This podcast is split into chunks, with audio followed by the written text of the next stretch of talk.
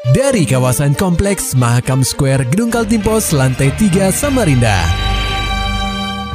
96,8 KPFM. Kita akan ikuti program KP Flash News.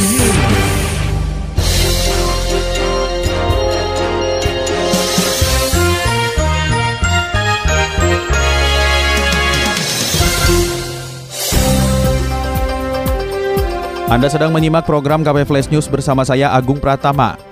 Pendengar KP enggan dikotomikan ASN dan non-ASN, Akmal Malik ingin semuanya berkontribusi majukan Kaltim. Laporan selengkapnya akan disampaikan reporter KPFM Samarinda, Muhammad Nur Fajar.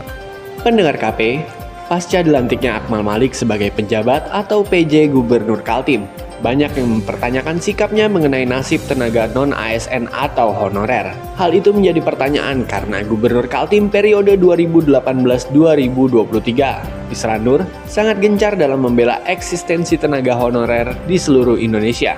Merespon banyaknya pertanyaan mengenai hal tersebut, Akmal Malik menegaskan bahwa dirinya enggan mendikotomikan ASN dan tenaga non-ASN. Namun secara tersirat, dia mendukung apa yang dipesankan Isran Nur dalam acara serah terima jabatan di Plenary Hall Sempaja pada Rabu 4 Oktober 2023 untuk tidak menghapus tenaga honorer. Meski undang-undang ASN yang baru telah diketok, Akmal memilih untuk melihat dulu regulasinya seperti apa sebelum menyampaikan pendapatnya. Namun yang paling penting, Akmal meminta kepada ASN maupun tenaga non-ASN agar bisa memberikan kontribusinya terhadap pembangunan Kaltim.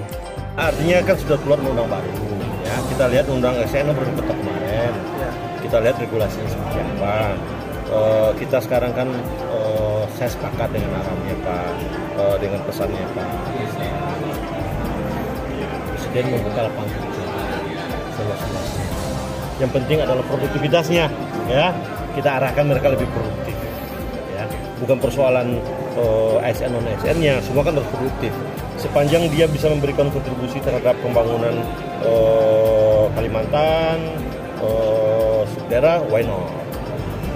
Tidak hanya ASN dan non-ASN, Akmal Malik juga menginginkan agar semua pihak, terutama sektor swasta, bisa ikut berkontribusi untuk mendukung kemajuan Kaltim di masa yang akan datang. KPFM Samarinda, Muhammad Nur Fajar melaporkan. Berita selanjutnya pendengar KP beberapa hari terakhir berbagai daerah di benua etam diselimuti oleh kabut asap.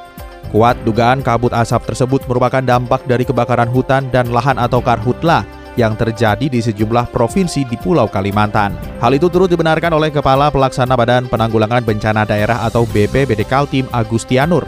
Menurut Agustianur, kabut asap yang terjadi di Kaltim merupakan kiriman dari Kalimantan Tengah atau Kalteng dan Kalimantan Selatan atau Kalsel yang tengah dikepung bencana karhutla. Meski tidak memungkiri bahwa karhutla juga terjadi di benua etam, namun Agustianur menyampaikan bahwa titik-titik api yang muncul di kawasan hutan dan lahan di Kaltim masih mampu diantisipasi oleh BPBD Kaltim sehingga tidak menimbulkan dampak yang parah.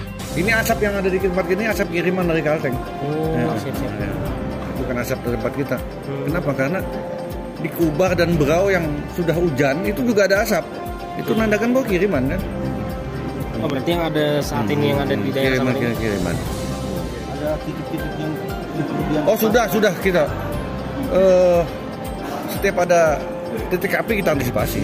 Kemarin di tol ada tiga udah beres semua ya. Itu penyebabnya kenapa tuh? Ya bagian besar masyarakat buka lahan lah, buka lahan, kemudian ya mumpung kemarau melihat-lihat patok batas tanah dibakar kan. Lebih lanjut, Agustianur berharap seluruh pihak harus tetap waspada, mengingat musim kemarau di Kaltim masih belum benar-benar berakhir. Ia juga mengingatkan masyarakat agar bisa bekerja sama dalam menekan karhutla, dengan cara tidak membuka lahan dengan cara membakar.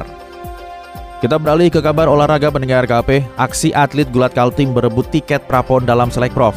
Laporannya akan disampaikan oleh reporter KPFM Samarinda, Maulani Al-Amin. Menjelang Pekan Olahraga Nasional atau PON ke-21 tahun 2024 di Aceh, Sumatera Utara, tim Gulat Kaltim mulai mengambil ancang-ancang. Pada Ahad 1 Oktober 2023, Persatuan Gulat Seluruh Indonesia atau PGSI Kaltim menggelar seleksi provinsi atau Selekprov untuk mencari atlet terbaik yang dikirim menuju babak kualifikasi atau prapon. Kompetisi tersebut terpusat di Gor Gulat Jalan Jakarta 2 Samarinda. Puluhan atlet ikut berebut tiket prapon yang akan digelar November mendatang. Ketua Komisi Pelatih PGSI Kaltim, Badrian Syah menerangkan, PON 2024 akan mempertandingkan 8 kelas tanding. Nah, kita bisa kita maksimalkan sekarang untuk lolos dulu, lolos tim, full tim dulu, lolos full tim dulu. Jadi kita bukan kejar prestasinya dulu, kejar medalinya, tapi kita lolos full tim dulu, baru kita gojek ulang lagi kembali.